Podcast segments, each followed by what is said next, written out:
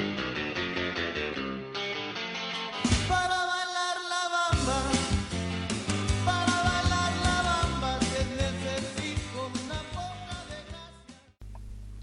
Hej och välkomna till säsongens elfte avsnitt av La Liga-podden. I eh, veckans avsnitt ska vi bland annat ta oss an Cristiano Ronaldos nya kontrakt med Real Madrid.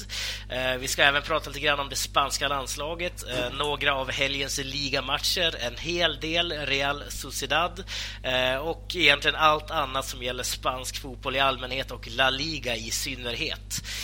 Daniel Jakobsson heter jag som fortsatt sänder denna podcast från den spanska solkusten och och eh, faktum är att jag just nu befinner mig omkring 30 minuter ifrån det svenska landslagets träningsuppladdning inför helgens VM-kval.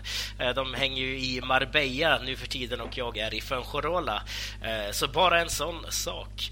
Eh, med mig som vanligt har jag den ökände Sam Saidi som i dagarna får sin en lite mindre känga om sin utläggning om vattenflaskincidenten som vi pratade om förra veckan, Sam. Eh, har du läst om detta på våran mejl? Uh, nej, faktiskt inte. Nu, det här kommer lite som en chock måste jag säga. Uh, blev ju i och för sig du förvarnad med här innan sändning att du skulle ställa mig mot väggen. Så låt höra, vad, vad handlar det om? Uh, ja, det, det, jag kan säga så här, det är ett otroligt långt mejl här så jag, jag tänker inte återge det helt och hållet. Men, jag ska uh, gå in och läsa sen. Ja, gå in och läs och besvara gärna också för den delen det här mejlet. Skicka tillbaka ett svar. Um, därför det var en fin utläggning tycker jag. Jag tycker inte alls det var, det var väldigt så här...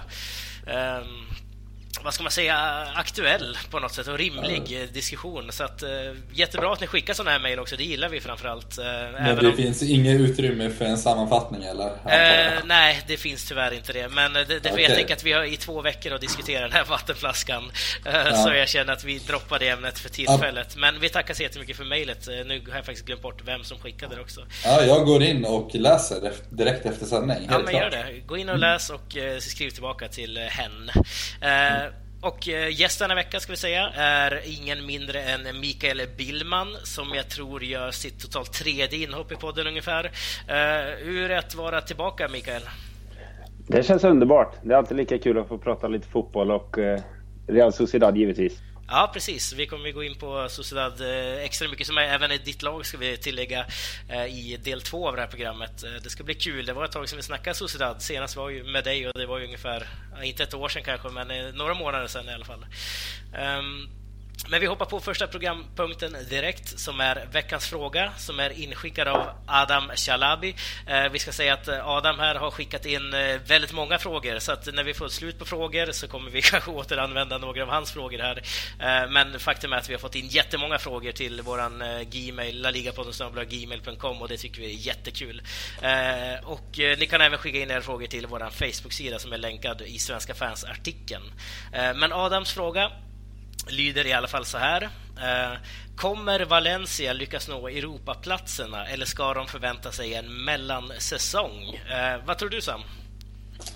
Eh, det är en bra fråga och det, den är svår att svara på av flera olika anledningar. Och jag skulle framförallt lyfta fram två faktorer varför den är nästan omöjlig att svara på. Eh, den första faktoren, eller faktorn är att Valencia har stora problem genom hela klubbstrukturen. Vilket gör att de är väldigt opolitliga. Eh, det kan vi framförallt ha sett de, ja, från våren med allt med Gary Neville och tränarbyten hit och dit, en oklar spelidé fram och tillbaka. Eh, så att eh, det är ett problem. Den andra faktorn det är framförallt när det kommer till till, eh, till det individuella. De har ändå ett individuellt väldigt skickligt lag. Så att vi kommer få se en berg och dalbana eh, där Valencia kommer förlita sig väldigt mycket på individuell skicklighet. Och skulle den individuella skickligheten få ett flow helt enkelt, då kan Valencia egentligen nå hur långt som helst. Det är det som är det paradoxala.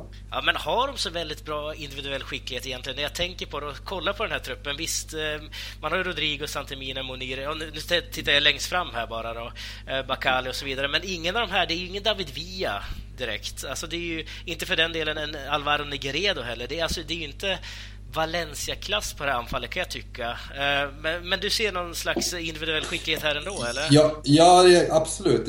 Jag håller med dig och det beror på vad man ställer, eh, alltså vad man jämför det med. De har ändå en trupp som ska vara på den övre halvan rent individuellt.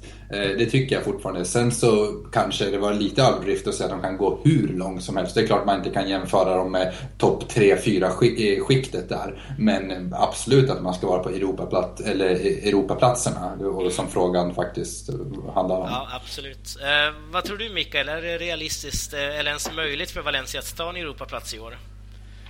Men jag tycker väl att de eh, måste få en spelidé, precis som Sam säger där. Och sen så har ju de fått in en ganska så ny tränare här som har stora meriter. Men de får nog vänta ett litet tag kanske. Det är, ja, det är svårt att säga om de kommer nå Europaplatsen redan i år eller om de kanske får en säsong nästa år där de eh, inte kommer till Europa. Mm, vad, vad, tror du kan skilja mellan att få en Europaplats och en mellansäsong i Valencias läge? Vad är det som eh, kan skifta åt höger eller vänster här? Jag tror precis som han säger, de här individuella spelarna. Eh, jag har ingen jättestor koll på alla spelare, men tittar man bara en sån som Nani till exempel som är där. Eh, levererar han direkt nu? Ja, han har väl inte rosat marknaden jättehögt direkt kan man säga. Ja, ändå visat intentioner tycker jag på att han, har, att han är en duglig spelare, gjort några assist och sådär. Ett mål bara förvisso, men eh, jag tycker han har varit helt okej okay i Valencia faktiskt. uh, ja, men uh, jag vet inte, vi, vi kommer ju älta Valencia under hela säsongen tror jag. Uh, så att jag, jag, tror vi kanske lämnar den just nu, men det känns som att jag bara springer förbi här, men det är bara för att vi har så mycket att prata om. Men vi tackar så jättemycket för frågan Adam och vi lär nog återvända några av dina frågor framöver också, för jag tror du hade en frågeställning på 10-12 frågor eller sådär. Men vi, vi, går vidare och jag tänkte att vi ska snacka lite grann om, eh, apropå individuella spelare, tänkte jag säga. Det var kanske lite taskigt, han är ju lagspelare också såklart. Men Cristiano Ronaldo, eh, som nu i dagarna, igår eller i förrgår tror jag det var, så skrev han på ett nytt kontrakt med Real Madrid. Eh, sträcker sig fem år till då. Eh, han kommer alltså vara 36 år, han är 31 nu när det här kontraktet, nya kontraktet eh, förlöper. Och eh, enligt honom själv så kommer han ju hålla på i 10 tio år till, det vill säga när han är 41 så ska han lägga skorna på hyllan. Um, hur ser du på Ronaldos nya kontrakt här Sam? Um, är det rimligt att man skriver på sig fem år med en då 36-årig Ronaldo som han slutligen blir? Eh, nej, jag tycker ju inte det. Jag tror ju att Real Madrid faktiskt skulle kunna bli ett mycket starkare lag bygge utan Ronaldo. Eh, Ronaldo står för en väldigt hög målproduktion och har gjort det under flera år nu egentligen ända sedan han kom till Real Madrid. Men eh, det är många gånger man har kunnat se att Real Madrid är inte beroende av Ronaldo. Real Madrids målproduktion har till och med flera matcher varit ännu högre utan Ronaldo. Eh, så att jag tror att eh, jag, jag, tror att det är ett litet eller ett dumt beslut. Jag menar, hans spelstil kräver också väldigt mycket. Det är en spelstil som kräver eh, en oerhörd löpkapacitet. Han bygger, hela hans liksom, spelsätt bygger på en enorm fysik och den fysiken kommer han inte kunna bibehålla när han är 36 eller 40 år gammal oavsett hur mycket han vill det själv. Eh, och det är där man kanske, om man jämför med en spelare som Leo Messi som man ofta brukar göra, men inte för den delen heller, ta någon som Xavi eller Valeron eller en annan spelare som kan komma ner i banan eh, och styra spelet på ett helt annat sätt. Den spelstilen passar mycket bättre för de här äldre spelarna. Men just när man är så beroende av sin snabbhet, sin spänst, sitt, liksom sin, sin fysiska kapacitet.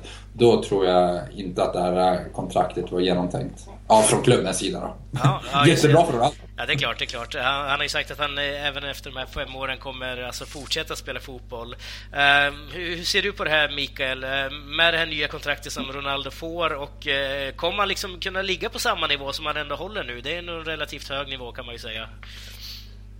nej, men jag tror att han kommer hålla ganska hög nivå ett bra tag till. Fast jag tror att det är väldigt viktigt att en tränaren i Zidane vågar ställa över några matcher också. För eh, Ronaldo är en sån spelare som gärna spelar varenda match och man läser det om och om igen att han vill ha mycket speltid. Och det är klart, det får han ju, men ibland måste man nog våga ställa över honom också för att han ska kunna återhämta kroppen, för det tar ju längre tid när man blir äldre. Precis. Eh, det, här är ju något som har hänt i fotbollsvärlden. Det är inte första gången man diskuterar om de här storstjärnorna, att de kanske får ta en annan roll i sina klubblag. Eh, vi har ju Francesco Totti, har ju varit på bänken ganska många gånger. Eh, Wayne Rooney är det just nu. Steven Gerrard har ju varit det. Juan Carlos Valderon för den delen. Samma där, får tag i nya roller. Valeron flyttades ju ner som pivoter där ett tag också i Deportivo och även i Las Palmas. Han är annars van som den här nummer 10 i det här laget. Ehm, men eh, tror du att det kan bli något sånt, Mikael, här? Att man kanske ändrar position på Ronaldo för att kunna få honom involverad på ett annat sätt än kanske som en ytterlöpare? Eh, ja, varför inte? Man kanske... Man har ju sett det några gånger att de har flyttat upp honom på topp, vilket han inte gör helt bort sig. Det kanske inte har varit jättemånga matcher han har varit där uppe, men eh, som ni säger, han är en riktigt löpstark spelare och för att kunna få ut så mycket som möjligt så kanske man ska sätta honom långt fram i banan. Mm. Ja, som någon nummer nio position där. Ja. Ja, vad, vad, tror du Sam? Kan det vara en möjlig lösning? Eller hur ser du på hans framtida spelstil eller liksom eh, vart man ska placera honom? Nej, jag tror att det här är helt vansinne för att eh, de spelarna du precis nämnde som Totti, som Gerard, som Valeron. De har aldrig byggt sin, sin styrka på just den här fysiken och snabbheten. Ronaldo är ju bättre än alla andra spelare när det kommer till liksom, löpkapaciteten, den fysiska förmågan, boxspelet, skotten. Han är ju ofta ett steg före för att han är ju den här, det här facitet som alla försöker träna sig till. Han är ju en träningsprodukt han har aldrig levt på sin speluppfattning, sin, sin känsla för hur man styr matchen eller liksom det, komma ner och hämta boll som Gerard kanske gjorde en gång eh, när han ställde om för den delen. Eller Totti. Eh, och jag, jag, jag, jag, tror personligen inte att Ronaldo är beredd att ändra sin spelstil allt för mycket heller. Eh, och även om han skulle göra det så är han inte så pass fotbollskompetent rent spelförståelsemässigt för att kunna bidra på det sättet som de just nämnda spelarna gjorde. Du, du, ser alltså ingen, exempelvis att man låter han flytta in i centralt i banan som Mikael är inne på här. Alltså kanske använda som en eh, tia eller nia för den delen. En klassisk tia. Jag tror tyvärr, jag, jag, tror inte att han kommer... Själv, för det första tror jag inte att han är beredd själv att underkasta sig en, en sån roll. Eh, och det hänger väldigt mycket ihop med att han har inte det här Real Madrid-hjärtat som många tror han har. Eh, många av de här spelarna som gör det, det är ju som du sa Totti, Gerard, vi har Xavi, Valeron. Vi har ju liksom, det är ju legendarer som lever och andas den klubben de har underkastat sig. Eh, Ronaldo kommer inte underkasta sig Real Madrid, har aldrig gjort det heller. Så att det, det finns en skillnad i de jämförelserna. Mm. Okej, okay. då ska vi faktiskt sätta stopp för den diskussionen och även den här första delen. Eh, min tanke var här egentligen att vi skulle snacka John Guidetti, eh, men mitt lilla intro där i början tror jag drog över på tiden så vi får faktiskt sätta stopp här och kanske eventuellt komma in på honom senare, alternativt framtida podcasts. Men vi stoppar där och när vi är tillbaka ska vi snacka Real Sociedad.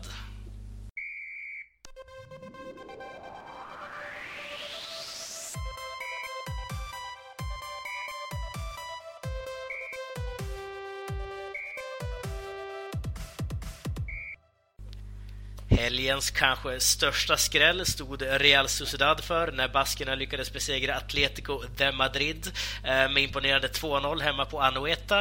Eh, segern gör att La Real eh, bibehåller sin sjätte placering i ligan. Ehm, först och främst här, Mikael, håller du med mig när jag beskriver den här matchen som, och den här segern som att till ditt Real Sociedad som att det var oväntat? Jo, men det får jag allt säga. Uh, inför matchen så trodde jag inte att vi skulle ha någon chans. Och uh, ser man matcherna tidigare mot Atletico Madrid så har vi oftast haft svårt mot ett defensivt lag som ofta ställer om på oss och får uh, två, tre snabba mål och sen har vi svårt att komma ikapp. Där är matchen redan död. Ja. Det var väldigt oväntat. Ja, ta, tala oss igenom den här matchen. Hur, hur såg matchen ut? Nej, men eh, det kändes som redan från start att eh, Real Madrid, eller Real Madrid säger Real Sociedad var väldigt sugna på att spela bollen. Eh, det här är en toppmatch om man säger så för ett topplag för Real Sociedad och då har de haft svårt att spela bollen. Det har gått sakta, de har spelat runt men i denna matchen använder de ofta one touch vilket gjorde att de mm. ofta kom igenom många gånger och är mycket på kanterna. Ja, vann två straffar också. Ja, precis. Ja. Det var väl eh, två ganska ja, givna straffar, även om eh, den första straffen var ett väldigt snyggt svanhopp från våran vänsterback Juri. Ja, precis. Eh, men jag håller med, jag tyckte också de var ganska klara de där straffarna. Eh, vad, säger du Sam, hur såg du på den här matchen? Nej men jag delar analysen. Jag var väldigt imponerad av Real Sociedads passningsspel och det gick väldigt snabbt, speciellt när man eh, tran, eh, transporterade bollen mellan eh, mittfält och anfall. Så det, det, var inte det här klassiska kladdet som man brukar få höra i svensk fotboll. Eh, på både gott och ont för den delen. Men eh, det, var, det var intensivt, det var tydligt och, och jag har kunnat se en tendens i Real Sociedad egentligen ända sedan förlusten mot Athletic Bilbao. Att den här tydligheten och disciplinen har blivit, fått effekt på planen och det har ju SUB verkligen eh, fått igenom här. Just att man exempelvis har hållit nollan nu tre raka matcher eh, och eh, bara där visste man ju att Atletico Madrid skulle få det tufft på Anoeta och vi vet att Real Sociedad i sina bästa dagar är ett lag som är hemma på den övre halvan av tabellen. Ja, eh, om vi kollar på Atletico här då Sam, de lyckas ju inte bräcka Real. Alltså de, det vart ju inget mål framåt för Atletico och som du säger Real Sociedad är väldigt starkt bakåt just nu. Varför lyckades inte Atletico få hål på Real Sociedad? Eh, för dålig kreativitet skulle jag säga. Det är klart man har Griezmann som man förlitar sig på. Carrasco är ju en fantastisk form och man har ju värvat in Gamiro som ska göra de här målen i de här, eh, vad ska man säga, matcherna som man förväntas vinna men som är väldigt svåra. Eh, nu har ju allt egentligen Atletico haft ett litet problem, även om man har gjort väldigt mycket mål, med det kreativa spelet när man faktiskt blir tvungna att eh, skapa något på egen hand. Man har ju ofta förlitat sig på sin starka defensiv och sedan straffa motståndarna när matchutvecklingen inte blir åt, åt det hållet där man kan ligga rätt i positioner för att sedan utnyttja motståndarnas misstag. Då blir det väldigt svårt, speciellt när motståndarna inte gör så många misstag. Precis, och det här har vi sett lite grann i Champions League också, där Atletico vinner. De har vunnit hittills 1-0, 1-0, 2-1, 1-0. Mm. Så det, det är inte så stora siffror man ligger på. Eh, men vi fortsätter på Real Sociedad-spåret här. Alltså Eusebio Sakristan, som du var inne på lite kort här Sam, eh, är alltså manager i Sociedad, tog över eh, sen David Moyes fick sparken, den lilla misslyckade sessionen han hade där. Ehm, och eh, imorgon här nu, eller idag när det här avsnittet släpps, så har ju Eusebio varit manager för Sociedad i prick ett år. Ehm, så att om, om vi kollar på det här året som har varit med Eusebio, Mikael, hur skulle du summera det? Men jag eh, om man tar det från början så tyckte jag att eh, han hade lite svårt att eh, få in sin spelidé till laget. Eh, om man ser till Mois som var innan så var de ju väldigt defensivt och skulle kontra under andra lag. Medan eh, Eusebio här vill eh, ha ett väldigt spelskickligt lag som jag tror gynnar Sociedad mer i längden. Men eh, det tog ett bra tag innan de kom in i det. Men det är nu man börjar se lite hur tendenser där, snabba tempo spelet, de har allting. Men det tog, det tog ett tag, så man måste ge managerna ett tag innan man eh, kommer in i spelidén och spelsättet. Ja, vad, vad, vad tycker du har förändrats i laget sen eh, Mois lämnade och Eusebio kom in? Finns det någonting att ta på här? Framförallt självförtroendet och eh, kroppsspråket. Förra året så kändes det som, eller förra året ska jag säga, innan Mois försvann. Det kändes som att de, de var inte riktigt bekväma i hur de skulle spela. Riktigt hur de skulle ligga och det var gester mot varandra och saker. Nu syns en helt annat. Eh, eh, och det kanske kan vara att de, man har fått in lite spelare. Om man bara tar exempelvis så såg man här sist mot eh, Atletico Madrid när William José är kanske eh, hur glad som helst bara för att eh, Vela gör en tunnel på en spelare. Och bara sånt sprider sig i hela laget. Ja, precis. Vi, men vi, å andra sidan så hade han ju lite problem där i, under vårkanten när eh, just Carlos Vela gick på, var det Coldplay-turné eller vad det var? Han gick på någon konsert där med Coldplay. Eh, men det, allt det här har rätt ut antar jag nu, eller? Ja, men det känns så. Och eh, ja, jag tror att många spelare har kommit, eh, de har kommit ihop i en grupp bättre. Man läser en del eh, i median om att de, eh, de vet det, håller ihop väldigt mycket mer. Mm. Ja, eh, du då Sam, du som står på sidan och kollar på det här. Avbröt jag dig här nu Mikael? Det kanske försvann lite grann bara. Eh, men eh, du som står på sidan här Sam och kollar på Eusebio som har tagit över det här Real Sociedad. tidigare hade vi David Moyes och innan det hade vi Jagob Arasate som vi också ifrågasatte ganska starkt. har han fått koll på Sociedad? Ja, det skulle jag vilja påstå att han har, speciellt när man jämför honom med Moyes som var en otroligt misslyckad eh, ja, värvning av ledningen och eh, Eusebio passar ju mycket bättre i den spanska fotbollskulturen. Han har koll på hur, hur, hur det fungerar och han har väldigt stora kunskaper om den, den spanska fotbollsmentaliteten. David Moyes försökte ju applicera no, no, en helt annan tradition, fotbollstradition. Och då blir det precis som Mikael var inne på. Eh, man får spelare som blir förvirrade och inte är redo att eh, underkasta sig laget och ta det jobbet som Mois vill att de ska göra. För att de inte är bekväma. Eh, så att Eusebio har verkligen hitt, fått tillbaka glädjen i Real Sociedad och det kan man också bara se genom att titta på formationerna han har förändrat. Han spelar ju mycket mer anfallsinriktad fotboll med 4-3-3 där många spelare och spelarmaterialet kommer på, ja, få ut sina kvaliteter mycket bättre. Eh, jag var orolig eh, för försvarsspelet men eh, som vi ser de senaste matcherna så har de ju även fått bukt med det. Ja, precis. Ehm, du, du, försvann lite kort där Mikael, men du är tillbaka här nu i samtalet igen.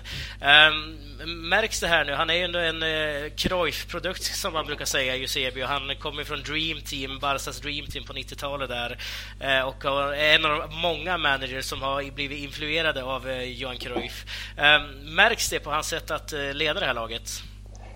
Ja, mm, om man fortsätter den här spelidén som jag pratade om så vill de ju väldigt ofta spela sig ur situationer, vilket jag kan tänka mig de Barca gjorde det också. Ibland kan väl det vara väldigt eh, eh, bra men samtidigt på egen planhalva har vi sett att det har medfört att vi har släppt in en del antal onödiga mål i baken också. Mm.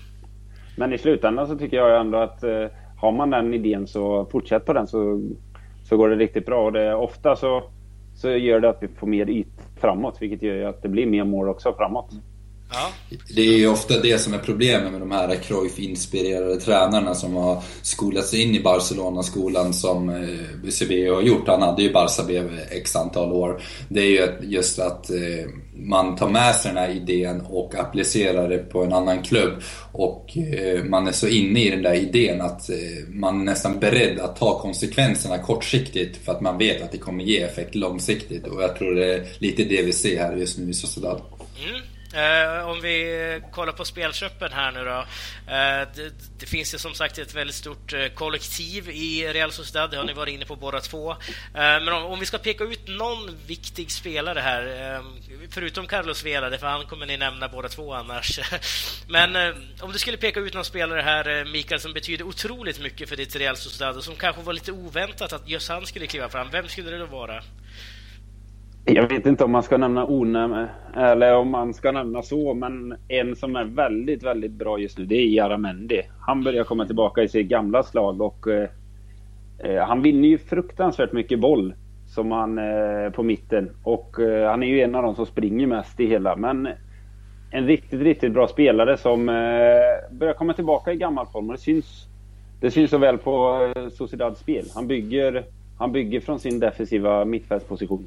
Ja, men annars är du inne lite grann på det här att det är kanske kollektivet för jaget i eh, Sociedad då? Ja, precis. Mm. Eh, samma fråga till dig då Sam. Eh, hur ser du på Sociedads eh, ganska breda trupp som de ändå har? Ja, det, det, för det första så är det värt att betona just bredden i Sociedad. Det, man, man byter ändå in en Canales som sitter på bänken, man har Juan Mi som kommer in. Det är spelare vi vet kan leverera i de här stora matcherna. Eh, men jag skulle faktiskt också ha lyft fram Jaramendi som jag tycker är på nytt född. Eh, hans på nytt, på nytt födelse har verkligen bidragit till det här kollektivet som vi ser idag. Sedan så har väl även Xavi Preto som egentligen har levererat under en lång tid nu som man vet vad man får utav. Han känns mycket mer bekväm i, i, den här, i det nya spelsättet eh, nu då som ÖCB har implementerat. Men nu saknades ju också Inigo Martinez den här matchen. Eh, jag tror han var eh, avstängd eller någonting eller om han är skadad. Eh, så att det är också en spelare som har varit bra under en lång tid och som är vital för det här lagbygget. Ja, precis. Jag tycker det är kul att ni lyfter fram Jeramendi båda två också med tanke på hans eh, hyfsat misslyckade session där i Real Madrid. Eh, han vann ju Champions League då förvisso. Eh, sen, sen vände han hem igen. Så jag, jag, gillar ju sådana stories någonstans där man återvänder hem. Mm. Men eh, någonting annat som gör mig glad eh, är det här eh, med, eh, nu håller jag på att babbla här, men eh, att Larial anställde den här hemlösa personen. Har ni läst om det här? Eh, till sin arenaorganisation. Det vill säga att man eh, anställt en kille, eller ja, en kille var det ju, eh, som var hemlös utanför Anoeta och sov liksom på byggnaden, mot byggnaden och nu har han alltså fått en anställning i tre månader tror jag det är. Har du någon koll på det här Mikael? Kan du ge oss något backstory? Uh, nej, jag kan inte ge så mycket mer. Jag, jag har också bara läst lite kort om det, men det var en, en hemlös som har sovit utanför arenan där som har fått eh, jobb som vaktmästare där inne. Mm. Och eh, jag har försökt att söka upp lite och kolla om det är någon sån här eh, välgörenhet eller något. Men det verkar inte som utan detta verkar vara en eh, supporter som är helt bara kommer dit och sen så hoppas Ja, han hade väl egentligen inga förväntningar men och sen så började de prata med honom och till slut så visade det sig att han hade lite kunskaper så just nu har han en provperiod på två månader med möjlighet att få förlängning. Okej, okay, snyggt. Så det, det, var han själv som hade sökt det här jobbet alltså? Ja, jag vet inte om han hade sökt det, men han hade varit utanför och visat sig att han var väldigt intresserad. Och sen hade väl några snappat upp honom och börjat prata med honom. Då var han väl rätt kunnig till Real Sociedad och det var därför så. Sen ja. vet jag inte vem det var som tog beslutet att provanställa honom. Nej, eh, jag skrev lite slarvigt här till er båda två att det var charity och du dementerar ju det direkt här. Men eh, hur ser du på det här Sam, att man eh, gör en sån här aktion? Visar det någonstans att det finns så mycket mer än bara de här stora pengarna inom fotbollen?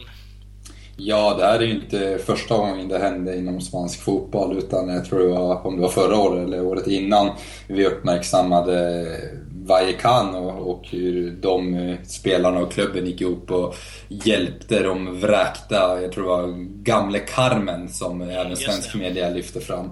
Hur spelarna och klubben gick in och ja, la in en summa. Och Vallecas är ju en, en intressant stadsdel i Madrid där, eh, där det rent socioekonomiskt är fattigare och det det är väl underklassen någonstans och Vallecas symboliserar väl, eller Rayo Vallecano symboliserar väl det också när de kommer med den här tomma kortsidan med väggen där. Eh, så ser man att det finns eh, stora skillnader. Men eh, jag tycker att det är ett bra initiativ. Jag gillar också när klubbar tar sitt ansvar gentemot civilsamhället. Och de här storyna är värda att lyfta fram. Och, men någonstans så vet vi ju, om man ska politisera det, vilket vi inte ska göra allt för mycket, att det är ju själva grunden som är problematisk. Precis. Eh, kanske lite mer marxism till de eh, spanska klubbarna. Ja, lite mer eh, marxism alla Vallecas. ja, precis. Och det är lite kul också, när vi, en jättekort notis bara om, om just Vallecano. Eh, när de i fjol hade de här bortadräkterna som var för bröstcancer och eh, regnbågsfärgerna hade de ju. Att eh, supportrarna gick ju emot klubben de står ju för allt det där såklart. Eh, men de var ju emot eh, att de hade just de här kläderna just för att det är kommersiellt syfte. Så att mm. till, de går ju ganska långt där i Vallecas å andra sidan. Mm. Men det, det, är som sagt en helt annan fråga som vi inte behöver diskutera. Annars om Sociedad, har du några nyheter här Mikael? Nej, inte så mycket. Det man kan ta upp lite också när, ni, när vi pratar om spelare förut är väl den nya forwarden från Las Palmas. William José. Mm, en eh, riktig, ja, vad ska man säga, riktig topp eh, nyförvärv. Alltså han har allting som de spelarna har värvat eh, åren innan inte har. Han är vass framför mål, han springer och jobbar för laget. Som jag berättade förut. Han visar med kroppsspråk och eh, förmedlar positivitet hela tiden. Eh, en spelare man verkligen ska lyfta som är ny här. Ja, jag tror precis. att jag tror att en sån som eh, Agirecci får det svårt när han kommer tillbaka från sin långtidsskada att ta en plats. Mm. Ja, ja det är, vi, vi gillar ju Agirecci å andra sidan. Han sänker ju ofta Barca, så det är ju alltid kul. tycker jag. Eh, men, eh, Hur är ja. status på Agirecci då? Nu har jag lite dålig koll. Det är en spelare. Han har inte spelat någon match i år va? Nej, han är tillbaka Nej. i träning. Han fick ett bakslag här i var det i början av september. Men nu är han tillbaka i träning. Men de skyndar försiktigt nu. Mm. För eh, ja. de vill inte att han åker på... Han, han har väl åkt på två bakslag sen han åkte på den här eh, skadan eh, mot Real Madrid förra året. Mm. Ja, det är otroligt intressant. Det blir ännu mer bredd i Sociedad och det kommer ju gynna Sociedad inför vårkanten då när allt avgörs. Mm, verkligen. verkligen. Men härligt hörni, vi ska faktiskt sätta stopp för Sociedad-snacket här. Och när vi är tillbaka så ska vi snacka lite grann om det spanska landslaget och den elfte omgången av La Liga.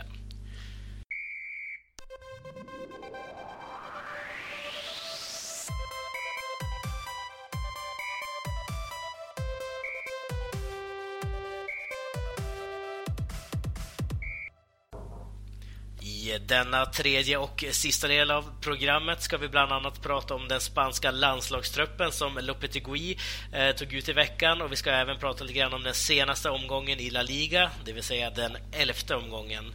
Eh, jag tänker att vi börjar just med den senaste omgången och eh, den första av två matcher som jag tänkte prata lite grann om här eh, är Villarreals seger mot Real Betis. Eh, Villarreal fortsätter ju att imponera i La Liga. Vi la ju ner ganska mycket tid på Villarreal förra veckan, men ändå imponerande att de direkt hoppar på det här tåget efter förlusten mot eh, Eibar förra veckan. Och min fråga till dig här Sam, till att börja med, är hur bra är den gula ubåten just nu?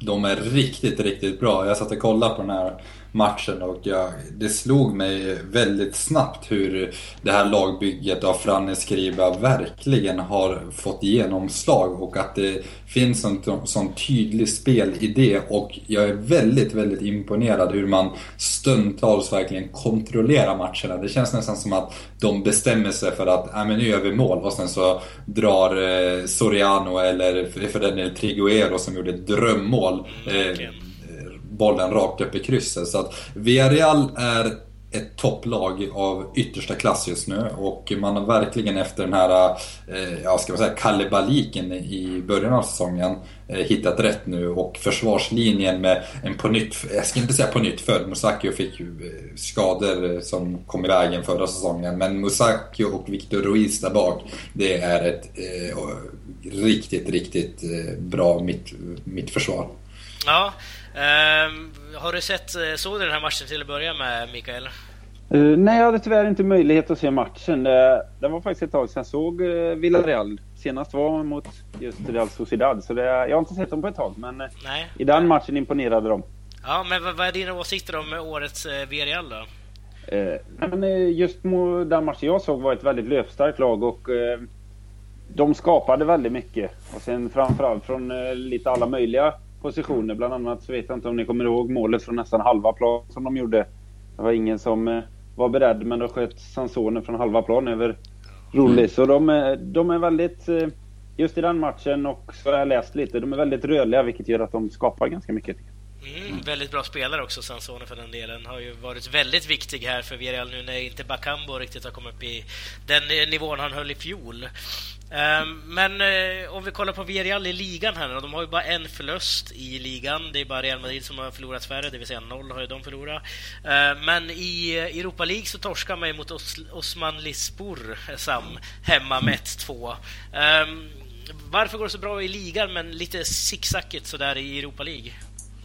Ja, det är en bra fråga. Jag tror man satsar lite mer på ligan. Det finns lite mer spelare som inte har haft lika många minuter som får spela mycket i Europa League. Rotationen har väl inte slagit så väl som man hade hoppats. Så där, där har ju Franne skrivit något att jobba med, att hitta den här balansen mellan hur mycket han faktiskt kan rotera för att det inte ska påverka resultatet i för stor utsträckning.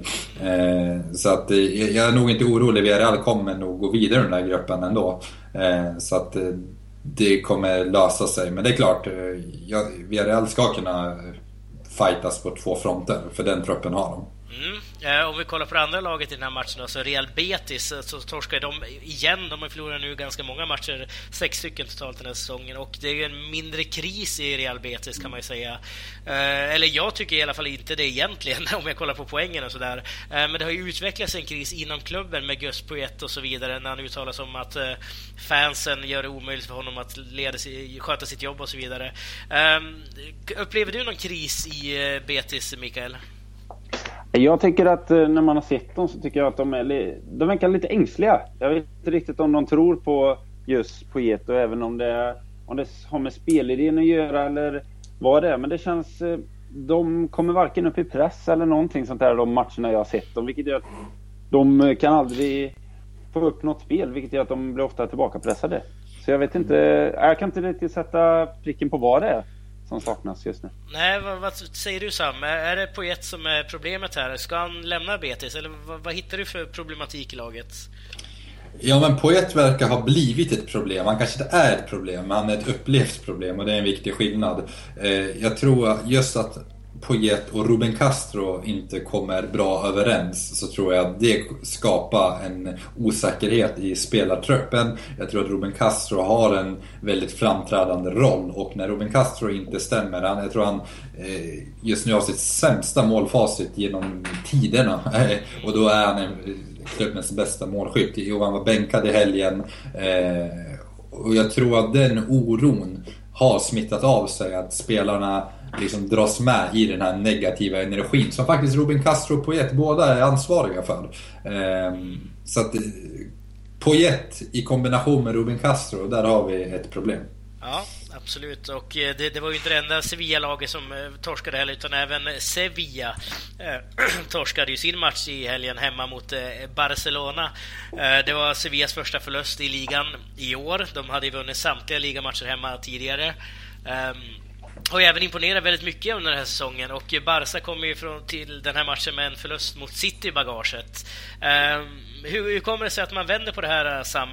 Dessutom vänder matchen och eh, att Barca står som segrare på Ramon Sanchez Pizjuan? Eh, tillfälligheter, väldigt mycket tillfälligheter. Sedan så är väl kanske den, den, den allra största skillnaden stavas väl ändå någonstans Lionel Messi som kliver fram från ingenstans och vänder den här matchen och han, han var helt fenom, alltså han var helt fantastisk i den här matchen. Eh, hur han dels styrde tempot när Barcelona var så tillbakapressade i den första halvleken och hur han faktiskt vände den på egen hand. Eh, så att eh, men nu ska vi inte fastna med Messi utan den här matchen var, jag tycker inte Sevilla gör en dålig match. Eh, de gör faktiskt en riktigt bra första halvlek och frågan är, är om de inte skulle ha dödat matchen redan där. Sedan så gör Barcelona en riktigt bra andra halvlek tycker jag och eh, när man har den där trion där framme som verkligen kan skapa eh, målchanser från ingenting, då kan ju Barcelona egentligen vända vilken match som helst när det ser som allra dystrast ut. Och det var precis det som hände nu. Ja, eh, kan du se någonstans här också eh, Mikael att kanske den här förlusten i Champions League för Barca eh, blev någon slags bensin som eh, Barca behövde för att komma tillbaka? Eller är det som Sam inne på lite tillfälligheter som gör att man vinner över Sevilla här? Men jag tror det är lite både och. Men eh, som han nämner, den här trion där fram, de kan ju de kan göra mål på i stort sett ingenting. Så att eh, även om de ligger under här i matchen så vet man ju någonstans att jag tror att många spelare i laget har i bakhuvudet att får vi bara en chans så kommer vi igen. Vilket, mm. Och det är ju även en sån här, eh, som ni säger, mot Manchester City. Där eh, fick de inte ut riktigt och de var väl väldigt revanschsugna och visade att det där var bara en tillfällighet. Mm, precis, och eh, Sevilla har ju å andra sidan imponerat väldigt mycket i både Europa och i ligan. Man är ju, tror jag, en eller två poäng ifrån att bli helt klar i, till slutspel i Champions League också. Mm. Um, vad, vad betyder den här förlusten för Sevilla, Sam? Eh, inte så mycket mer än att man tappar lite mark och man tappar kontakt lite till den absoluta toppen. Nu ligger man ändå 6 poäng efter Real Madrid. Men man är ändå med i det här toppskiktet och man kommer fortsätta vara med där. Eh, jag tycker snarare att man ska fokusera på prestationen här. Alltså, det, när man kollar på spelare som Ensonsi som var ett monster den här matchen. Alltså det, han var så otroligt bra. Det var eh, en av de... Eh, han har varit riktigt bra hela säsongen. Men just det här eh, passningsskickligheten som Sevilla faktiskt visade upp i kombination med deras fysiska, energiska spel. Det var en fröjd att skåda och jag tror att San Pauli eller han har det, vi har varit inne på det sedan flera poddar tillbaka, har någonting intressant på gång. Han får ut väldigt mycket av det här starka mittfältet. Och eh, sanningen är ju att eh, Sevilla faktiskt åt upp Barcelonas mittfält och det var ju där man vann matchen. Eh, sen att det inte räckte hela vägen, det är ju som sagt, som vi var inne på, en kombination av Barcelonas skicklighet och tillfälligheter. Ja, och en sån så har ju vuxit fram som en enorm spelare. Alltså, ja. eh, inte bara fysiskt utan även eh, på planen har han blivit som en ledare och styr ju här mittfältet någonstans. Men Eh, apropå Sevilla-spelare så tänkte jag att vi lite kort här också ska prata om eh, det spanska landslaget som eh, Lopetegui, eller Lopetegui, som faktiskt en... Jag pratade med en spanjor här om just hur man ska uttala hans namn och han sa Lopetegui. Så vi kanske ska börja med det istället för Lopetegui. Så Lopetegui, hans nya trupp i alla fall, involverar Sevilla-spelaren Sergio Escudero bland annat och Ander Herrera som inte har gjort några matcher i spanska landslaget tidigare. Eh, de här två killarna kan alltså göra debut nu. Eh, hur ser du på deras eh, position i landslaget, Mikael? Kan det vara aktuellt att de får spela här? Ja, men jag tror att en sån som Ander Herrera kanske kan få chansen i några minuter. Han har ju en mittfältsroll som kanske gör att leder man med några mål så är det lite lättare att byta in honom till skillnad från Escudero som spelar mestadels spelar ytterback va? Mm, precis. Så jag tror ju att Ander Herrera har lite större chans att få några minuter. Men det beror nog precis på hur det går i matcherna. För jag tror inte någon är att lukta på startelvan direkt. Nej, eh, håller du med om det Sam? Ja, jag tror ingen är med i diskussionen kring startelvan. Däremot så skulle jag säga, om vi bara isolerar den här matchen, eller den här landslagssamlingen, så tror jag faktiskt att Escudero har kanske ännu bättre chans just för att Alba är skadad och Escudero är ju ändå, nu är jag inte helt säker på vilka fötter de använder, men jag tror han är den enda, nej, Moneral, då och Escudero är ju de enda vänsterbackarna så att eh, eh så stor skillnad är det inte på Monreal och Escudero så att eh, vi får se där. Det blir intressant att se. Ja, precis. Och du nämner ju Monreal här också som är tillbaka. Ehm, det var ju ett tag sedan han eh, lirade en landskamp. Ehm, bland annat eh, han och även Asenjo. Nu ska jag rabbla många namn här. Men Inigo Martinez, eh, Monreal, Asenjo. Adoris är tillbaka efter sina fem mål. Juan Mata, Cesar Aspilicueta och Mark Bartra är alla tillbaka i truppen. Mm. Ser någon skräll här Sam? Eller känns det som att det är helt okej okay att de här spelarna är uttagna igen? Det känns faktiskt som en ganska väntad trupp måste jag säga ändå. Eh, Bartra har jag varit skeptisk till men det, han har gjort det bra i Dortmund som jag har uppfattat Jag har inte tänkt mig allt för mycket. Eh, men förmodligen haft eh, mer speltid än vad han hade i Barcelona. Så att eh, kul att Inigo Martinez fortsätter få, få förtroende. Eh, han ska väl ha sin plats där nu eh, för lång tid framöver. Så att, nej, inga direkta skrällar så här, rent spontant måste jag säga.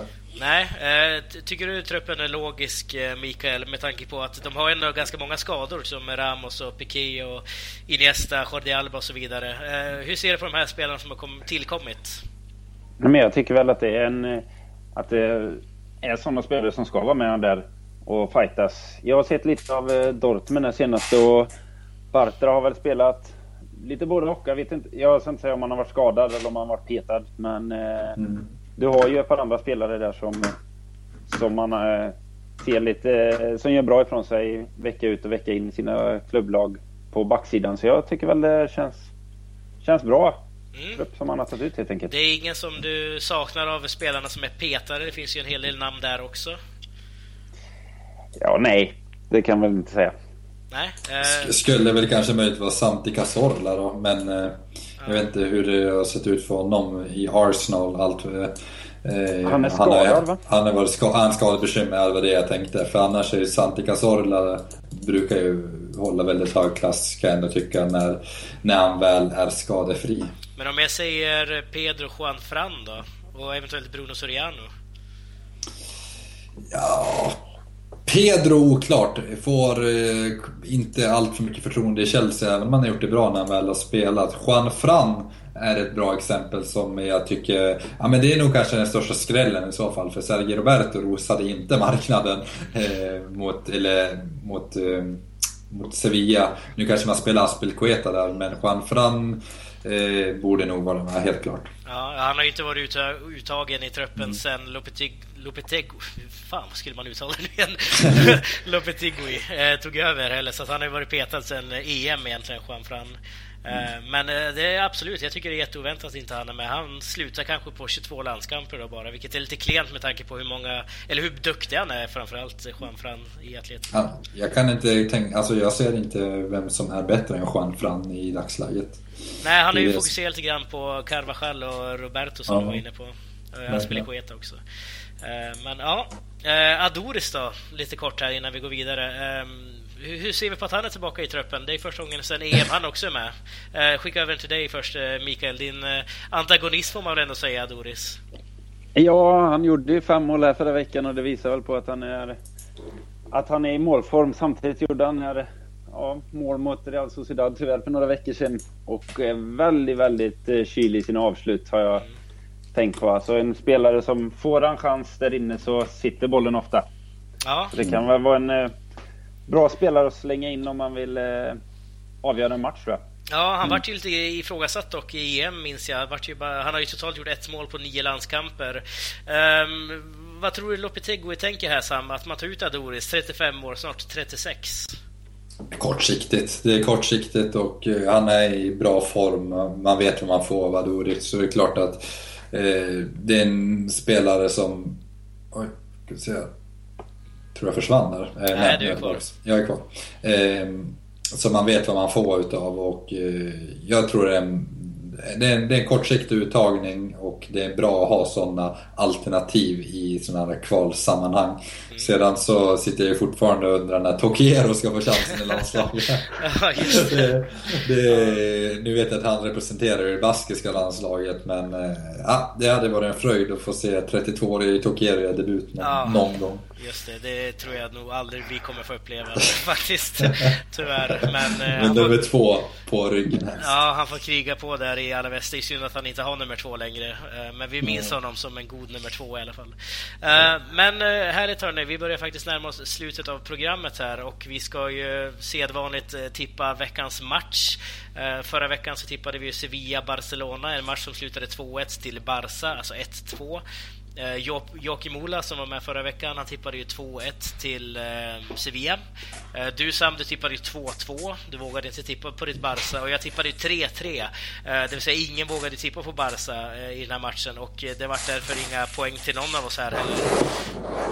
Uh, nu ska vi se. Vi ska tippa England-Spanien den här gången och det är alltså den här träningslandskampen som Spanien spelar. Uh, man möter ju även Makedonien i VM-kvalet, men jag tänker att vi, vi, vi tippar den här matchen. England-Spanien. Uh, vad, vad, säger du Sam? England-Spanien. jag tror på 1-2. Till Spanien? Spanien. Mm. Ja. Mikael? 1-3. 1-3 Spanien. Ja, jag är, det måste jag ju säga något sånt där också. 0-2 säger jag till Spanien då. Uh, att man vinner med och Adoris får väl göra svårare bara för det. Uh, uh, snyggt! Men Sam, ska du köra din uh, veckolista? Jajamän, och vi börjar ju med veckans Tokiero och eh, det, det, hade väl varit lite lätt att ge den till Adoris efter fem mål, men jag kommer faktiskt ha favorisera och köra lite positiv särbland, eller särbehandling alla nationalism och svenskhet i Jongo Guidetti som verkligen har hittat tillbaka efter att jag, tror var förra veckan, eh, faktiskt någonstans uppmanade honom att lämna Det gjorde du! Eh, så att eh, Ja, det, jag fick väl äta upp det lite och han eh, gör inte bara mål i Europa League utan avgör faktiskt den här otroligt viktiga matchen mot Sevilla med ett fantastiskt nickmål där. Så att John Guidetti is on fire och han är his back och jag hoppas att eh, han, eller han och eh, Berizzo har rätt ut eh, eventuella ja, ja, dispyter och så, så att han får mer speltid. Men John Guidetti tar säsongens första eh, Tokiero för, för hans del då. Ja, precis. Eh, nickmål mot Valencia ska vi säga, säga där också. Mm. Eh, ja, du menar, du sa Sevilla, men det, alltså, ja, Valencia. det, det är ingen fara. Eh, veckans Faber?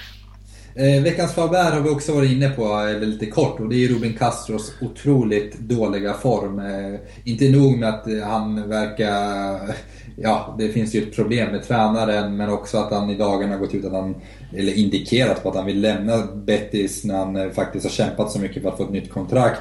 Han har varit, blev bänkad den senaste matchen och han eh, blir ju utbytt nästan hela tiden. Han har inte hittat rätt den här säsongen och det, vi vet ju att det är ju en målskytt av rang. Men nej, Ruben Castro, det är inte din, din, din tid just nu och det går tungt. Vi får hoppas att han tar sig ur det. Men tills vidare, tills dess rättare sagt, får han en Faubert. Mm. Eh, köper du listan Mikael, eller är det någonting du vill lägga till där? Nej, den köper jag faktiskt rakt av. Och det var ju väldigt kul att de drog igång Gudetti-låten samtidigt som han nickade in målet också. Precis, de gör ju ofta det där på Balaidos när han väl gör mål. Eh, så det är extra kul. Det klingar fint där i eh, södra Galicien. Det får inte klinga för mycket såklart, eh, men mm. lite då och då. Men tack så jättemycket för att du var med den här veckan Mikael. Det var jättekul att ha dig här igen. Ehm, Tackar så mycket. Och tack också till dig Sam. Vi hörs ju nästa vecka när vi är tillbaka med nytt program, ny gäst och ja. nya samtalsämnen. Um, och som sagt, ni lyssnare får jättegärna gå in på vår Facebook-sida, skicka lite frågor om ni vill, kommentera, gilla, dela gärna eh, våra inlägg och så vidare. Och eh, ni får gärna skicka in mail till eh, laligapodden gmail.com eh, så tar vi upp era ämnen, frågor och synpunkter i kommande pods. Eh, så att, eh, tack så jättemycket för oss. Hej då! Hej då!